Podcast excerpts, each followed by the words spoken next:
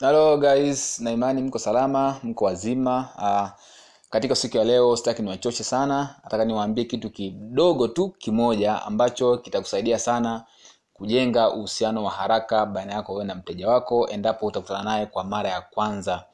Endapo mteja wako atakuja katika sehemu yako ya biashara for the first time, kwa mara ya kwanza, kitu ambacho kitakusaidia wewe kujenga uhusiano wa haraka na mteja huyo, kuna kitu kinaitwa compliment.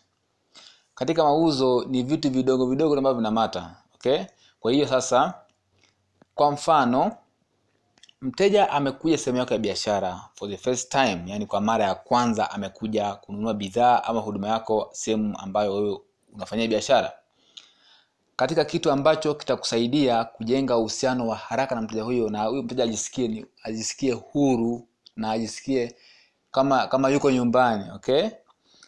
Kuna kitu tunasema una, unampa compliment ya, ya, ya, ya muonekano wake jinsi ulivyo. Kwa mfano mteja anaweza akaja labda akawa ame uh, labda amevaa shati limempendeza au koti limempendeza au saa yake nzuri au kiatu chake kizuri, mwambie tu uh,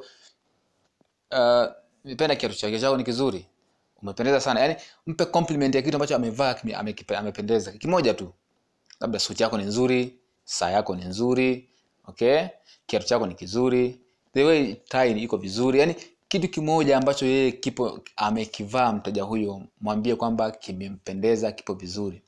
Mteja huyo lazima rasimali, akisha simali atakwambia asante, then hiyo tunasema unafungua geti. Kufungua geti maana yake ni kwamba unajenga uhusiano wa haraka baina yako na mteja wako for the first time na kwa haraka zaidi njia iliyothibitishwa ya haraka ya kujenga uhusiano baina yako na mteja ni, ku, ni kusifia mojawapo ya kitu ambacho mteja wako amekivaa hiyo njia imethibitishwa imefanya kazi kwa asilimia kubwa sana. Na ukitaka kujenga uhusiano wa haraka na mteja na ndio maana tunakwambia ili mteja anunue bidhaa ama huduma yako cha kwanza lazima akupende cha kwanza hicho. Cha pili lazima akuamini okay? Cha tatu lazima ajenge uhusiano na wewe. Uhusiano huo ni kwamba akuone wewe kama rafiki yake kama mshauri wake ndipo itakuwa rahisi sana yeye kununua bidhaa ama huduma unayoiuza sio tu unaongea juujuu kama, kama muuzaji wateja hawapendi kununua bidhaa au huduma kutoka kwa wauzaji. Wanapenda kununua bidhaa ama huduma kutoka kwa washauri wa bidhaa ama huduma wanazoziuza. Na njia haraka ya rahisi ya mteja kukupenda na kuamini ni, ku, ni, ku, ni kujenga uhusiano wa haraka ikiwemo kumpa compliment kama nilivyosema sifia mojawapo ya kitu ambacho mteja amekivaa mwambie bana umependeza labda saa yako ni nzuri sana ongera sana labda tai yako tai yako ni nzuri rangi tai yani msifie kitu ambacho amekivaa time aidha wa kike wa kiume msifie kwa kitu chochote kile tu.